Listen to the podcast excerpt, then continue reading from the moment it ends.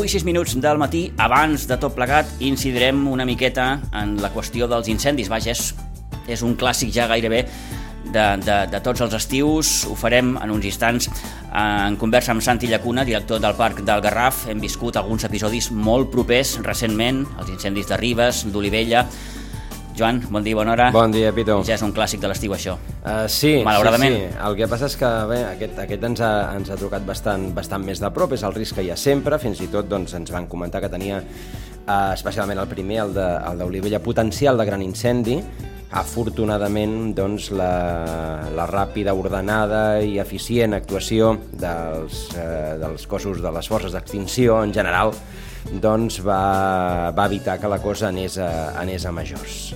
Eh, saludem en aquest, eh, en aquest punt, perquè el tenim en comunicació telefònica, en Santi Llacuna. Santi, bon dia. Hola, què tal? Bon dia. Um, què pensa, què pensa el director del, del Parc del Garraf quan llegeix que els Mossos d'Esquadra han detingut la persona causant, o la presumpta persona causant d'aquests dos incendis? Bueno, la veritat és que eh, tothom feia sospitar una miqueta. Portàvem eh, el Garraf, està clar que, que cada any doncs, patim uns quants conats d'incendi, grans incendis ja fa molts anys que no n'hem patit cap, però clar, en poc temps, des de Setmana Santa, tres incendis, a més a més en la mateixa zona, bueno, eh, feia sospitar moltes coses, eh, tot i que està clar que la vegetació està molt ressec, portem molt un estrès hídric important, però no, va ser una, a veure, una satisfacció, si més no, de que la, la, la, doncs, s'ha trobat que era, quin era aquest origen o qui era, qui, qui, què acabava succeint amb aquests incendis tan reincidents. Fa, em fa pena pel fet de que, clar, vull dir que, que, que algunes persones doncs, puguin pensar doncs, que, que, que, que un territori com aquest doncs, s'hi pot, doncs, amb una facilitat com la que hi havia en aquells dies, doncs, posar una guspira per encendre no sé, fa, per una banda doncs, ens tranquil·litza perquè, si més no, eh, aquest l'origen eh, se sap d'on era, i per altra banda, doncs, bueno, seguirem eh, amb totes les alertes posades, perquè les condicions són molt adverses, mm -hmm. està clar. Tanmateix, matisem una part d'aquesta informació. El, eh, els Mossos, efectivament, el van detenir, però ara està en llibertat. El jutge l'ha deixat ha deixat aquest presumpte, repeteixo, autor dels, eh, dels focs en, eh, en llibertat. En qualsevol cas, eh, hem començat per aquí, que és la, que és la part final. Eh, la part inicial és eh, probablement l'incendi, el que va ser més greu, l'incendi d'Olivella, sí. que eh, va créixer de manera rapidíssima i val a dir que, que des de Sitges era molt evident, es veia clarament el bolet de fum eh, que, que pujava. Mm, va patir el director del parc per, per aquest incendi? La veritat, eh, tots els que estem treballant al parc patim, i ja només, eh, i això ho he comentat moltes vegades no, quan he vingut també aquí a la ràdio i amb altres, i amb altres converses, no, que quan arriba aquesta època, a més a més, quan veus aquestes condicions, doncs eh, malament. I aquell dia, concretament, amb les condicions que es donaven, doncs allò dels, de, de, de la baixa els, humitat... Els 30, 30, 30, 30, no? Correcte. Doncs, eh, quan veies tot allò, i a més a més que no eren 30, perquè d'humitat estaven per sota, estava a 20, vull dir, el vent era molt superior eh, a la calor que feia, a la temperatura, vull dir, tots els, eh, els, els elements estaven per, per patir molt. I la veritat és que també, i enllaço amb el que comentàveu abans al, a l'inici, no?, de que eh, gràcies a l'actuació la, tan ràpida de, de tots els agents, doncs, tant de, sobretot bombers, però bombers, ADFs, tota la, la, la, els, la gent del territori, agents rurals, els, els propis dels, de, els guardes forestals del parc, eh, doncs poder fer aquesta actuació tan ràpida i poder-ho encerclar, el que en principi potencialment podia acabar sent un gran, gran incendi, doncs es va... va... Vaja hem perdut en, hem perdut en, en Santi allò pel mirem, camí.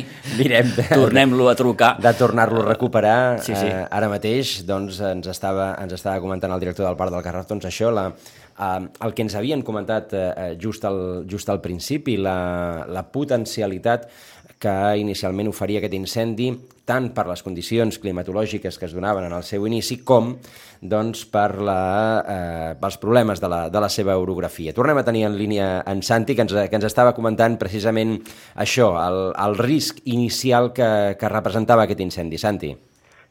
Sí, la veritat el, el risc que, que representava, perquè és que, clar, la massa forestal en la qual es va originar era important, i aquí també val la pena destacar la important tasca que s'està fent aquests últims anys, sobretot amb temes de eh, desbrossar eh, plans tècnics de gestió forestal. S'ha eliminat molt del combustible i després un altre element interessant que està en aquest territori, justament coincideix en aquest espai o en aquest, en aquest lloc on hi va haver aquest incendi, que era eh, el lloc on estan pasturant aquests els cavalls, els rucs, cabres, ovelles, tots aquests, doncs, aquesta, aquestes espècies que estan fent doncs, de, de, de, de tallar o d'eliminar de, de tot aquest sotabosc ens ajuda moltíssim i sobretot, ja dic, a l'hora d'extingir un incendi no és el mateix la seguretat que tenen bombers de poder fer front amb, una, amb un sotabosc eh, tupit i ple de, de vegetació que en un sotabosc que estigui en aquestes condicions. Això també va ajudar moltíssim. És a dir, va, va, eh, l'incendi es va trobar menys combustible del que, del que s'hagués trobat si no hi haguessin hagut aquesta, aquestes espècies pasturant.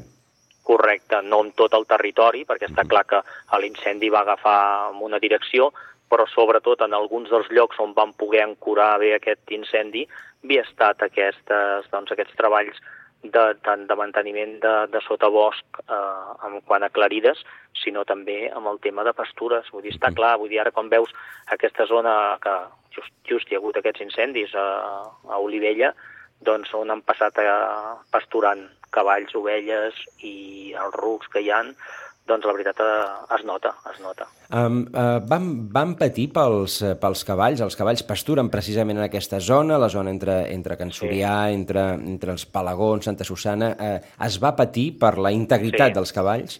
Sí, sí. A veure, sobretot es patia perquè uh, està clar que el lloc on hi va haver l'incendi era uh, on hi havia, o molt proper on hi havia els cavalls.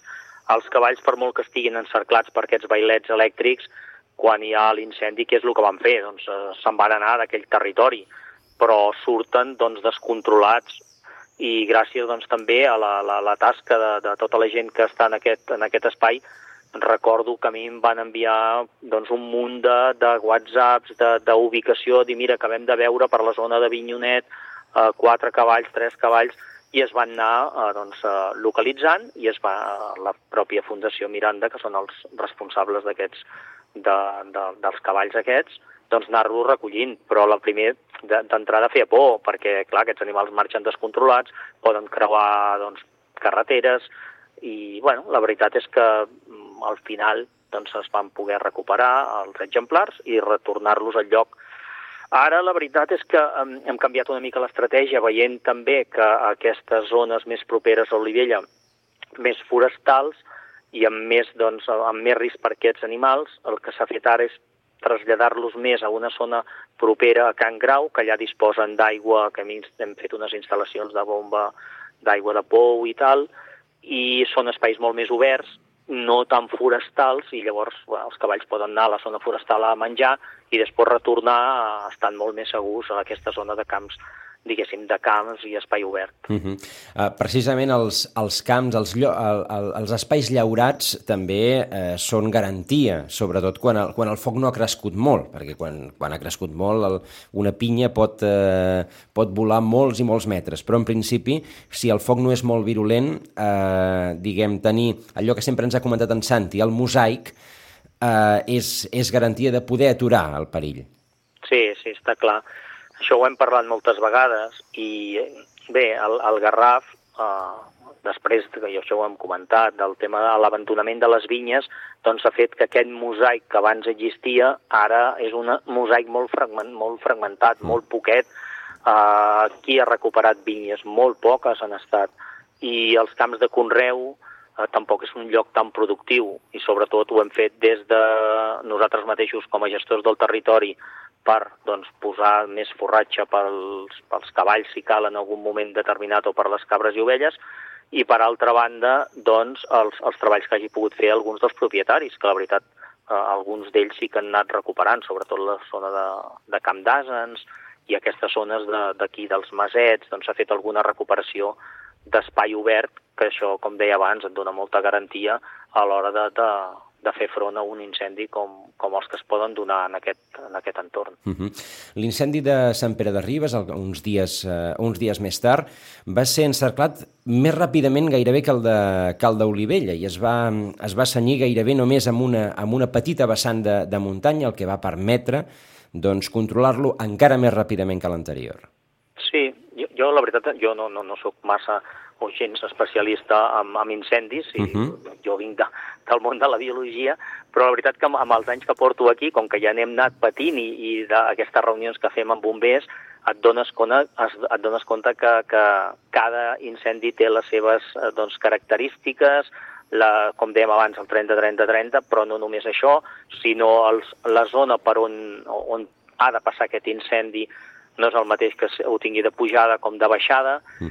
i recordo uh, aquest, de, aquest, aquest més important que alguns dels nostres guardes estaven en, en, en, en comunicació con, constant amb ells i em deien tranquil, bueno, tranquil no, però ti, escolta que no, que uh, ara ha agafat aquesta baixada i els bombers l'estan cercant. Bueno, les condicions orogràfiques en cada moment i en cada punt doncs hi juguen molt a veure si l'incendi es posa més cap al tard, que baixa la intensitat del vent i augmenta doncs, la humitat, també els bombers els hi dona més seguretat, perden en quant a efectius aeris, que aquesta vegada doncs, també va estar molt important aquesta part de, de, de l'helicòpter que tenim a, a la pleta que pot fer una actuació molt ràpida, doncs, el, que hagin vingut doncs, a, aquests avions de, de, de, de, que es diuen doncs, aves o el foca. Sí, els, els, els avions de l'exèrcit espanyol, que de fet van, sí, són sí, els... Són, que carregaven a que, Sitges. Que carregaven a Sitges, sí, sí, la, les, les fotografies, la gent a la platja amb la boca oberta, sí, sí. oi? Sí, sí, bueno, són d'aquelles imatges que, que eh, quan vaig tornar a veure això, perquè jo feia temps que no, no veia incendis que, que fessin o que actuessin aquests, aquests avions, uh -huh. que, que van, si no vaig errat, van arribar de, de Saragossa. Sí. Vull dir que veure'ls una altra vegada em recordava aquells incendis, doncs, d'això, 82, 94, tan, tan forts, tanta superfície que es cremava i la veritat tornaves a recordar aquelles imatges. Per sort eh, va ser, o es va poder sí, sí. encerclar ràpidament i estem parlant d'una petita anècdota. Sí, s'ha d'entendre que eh, aquest eh, ús eh, intensiu de, del mitjà aeri també doncs, va ser... Que, que ho van dir, eh, bombers, que, que intentaven actuar amb tot el que podien doncs, per, per, per aturar-lo i fins i tot hem vist imatges de, de crema controlada feta pels, sí, pels grafs, sí. és a dir, es va fer de tot. Sí, sí. Jo penso, aquesta és una de les estratègies, ja dic, i em poso en un món que no és el meu, eh, que no, uh -huh. jo no sóc bomber, però parlant amb ell jo penso que el de les cremes con eh, controlades, eh, inclús fer-les, aquestes les fan en el moment que hi ha l'incendi per fer un contrafoc, si tu ja has cremat una superfície, quan aquest foc arriba ja no té combustible per cremar i per tant no avança, però penso també que ens haurem d'anar eh, mentalitzant amb les èpoques que no és de risc d'incendi, com és la, la tardor, amb més humitat, fer aquestes cremes que per la zona d'Olivella ja s'han fet, doncs a dins a parc també poder-ne fer el, en algun entorn, si més no, el que abans comentàvem, no? el, el fet de, de, de que cavalls i ovelles puguin treure part d'aquest combustible, doncs en tot cas també aquestes cremes controlades ens ajudaran a tenir molt menys combustible en cas de que l'estiu ens aparegui doncs, uns conats o uns incendis com aquests. Estem eh, només a primers, a primers de juliol. Aquí al Garraf sempre hem tingut eh, incendis, diguem, o grans incendis fora de temporada, almenys els que, els que recordem, perquè diguem que, que tant el, els, els més grossos, el del, 90, el del 82, el del 94, van ser eh, abans de, de la temporada forta de, de l'estiu, però això no vol dir que que en l'estiu haguem de baixar la guàrdia, no? Eh, això, mm, fins, a, fins que no passi la calor, estarem en alerta. Sí, sí, ja veuràs, fins que arribem al setembre. De totes maneres, val a dir que, que el, a meitat d'agost, que, que la nit ja és una mica més llarga i hi ha més humitat, es nota també aquest canvi els últims anys, eh? no vull dir que aquest any igual també hem començat una mica amb molta més sequera, però en principi quan arriba el 15 d'agost la, la humitat ja és més alta i, i això canvia. De totes maneres, com deies, aquí al Garraf els grans incendis han estat en èpoques doncs, que, que no eren les de risc d'incendi, però també una de les parts importants en aquests moments és eh, els dispositius que hi han actualment als anys 80 i 90 no eren els mateixos. Potser els 90 ja estava una mica millor, però és que ara hi ha moltíssima gent que està fent tasques de vigilància des de les torres, movent-se pel territori, i un altre element, que, que aquest no és tan no és tan clau, però sí que és important, com qualsevol persona que ara veu una fumera, doncs, o un conat o veu fum, de seguida avisa el 112. A vegades mm, no tens la, la, la, la l'experiència o l'espertesa de dir en quin lloc concret, perquè a vegades et diuen sí, és per aquí o per allà, però si més no, ja alerten de que hi ha aquest fum en un lloc determinat i això fa que, que doncs, els, els medis d'extinció de, de, es mobilitzin molt ràpidament, que això no succeïa en els anys 80. Certament. Eh, sempre aquesta recomanació bàsica, si es veu fum, trucar al 112. És, és, és millor que sigui una falsa alarma que no, no avisar d'una situació de, de perill real. 184 són les hectàrees que entre els dos incendis es va es va cremar el, el Garraf entre Olivella i, i Sant Pere de Ribes, toquem fusta perquè doncs, això no, no torni a passar i puguem tenir doncs, eh, un estiu més tranquil que aquest, eh, que aquest inici. Santi Llacuna, director del Parc del Garraf, moltíssimes gràcies per haver-nos atès i, i bé, bon estiu. Bueno, sí, moltes gràcies i, i, i segueixo amb el que hem dit, eh? sobretot extremar molt les precaucions, vull dir, potser en aquesta època el parc és un lloc per anar-hi a primeres hores del dia, però al, a partir de les 11 i les 12, amb la calor que fa, no és un lloc gaire atractiu i és mm-hmm. molt més atractiu la zona de platja, estarem molt més frescos que no per allà dins. No perquè siguem els causants, perquè a vegades la gent també confon, diu, és que potser ens diuen que es pensen que nosaltres fem. No, no, és el risc que hi pot haver si a dintre un espai natural com aquest hi hagués molta gent un, un dia que hi ha un incendi, és per la seguretat de les pròpies persones. Correcte. Això també s'ha de tenir clar. Perquè també s'haurien d'evacuar. Doncs amb aquesta, amb aquesta recomanació no cal recomanar allò de no fer foc a la muntanya, perquè sabem que està prohibit, oi? Però eh, sí que doncs, eh, extremar les precaucions i evitar eh, doncs, anar al Garraf, no sé que sigui de necessitat, perquè és veritat que, que a la una, del, a la una de la tarda, oi, eh, determinats llocs del, del Garraf no és gaire agradable estar-s'hi durant, durant aquests dies. Santi, moltíssimes gràcies i fins aviat. Molt bé, moltes gràcies a vostè. Adéu.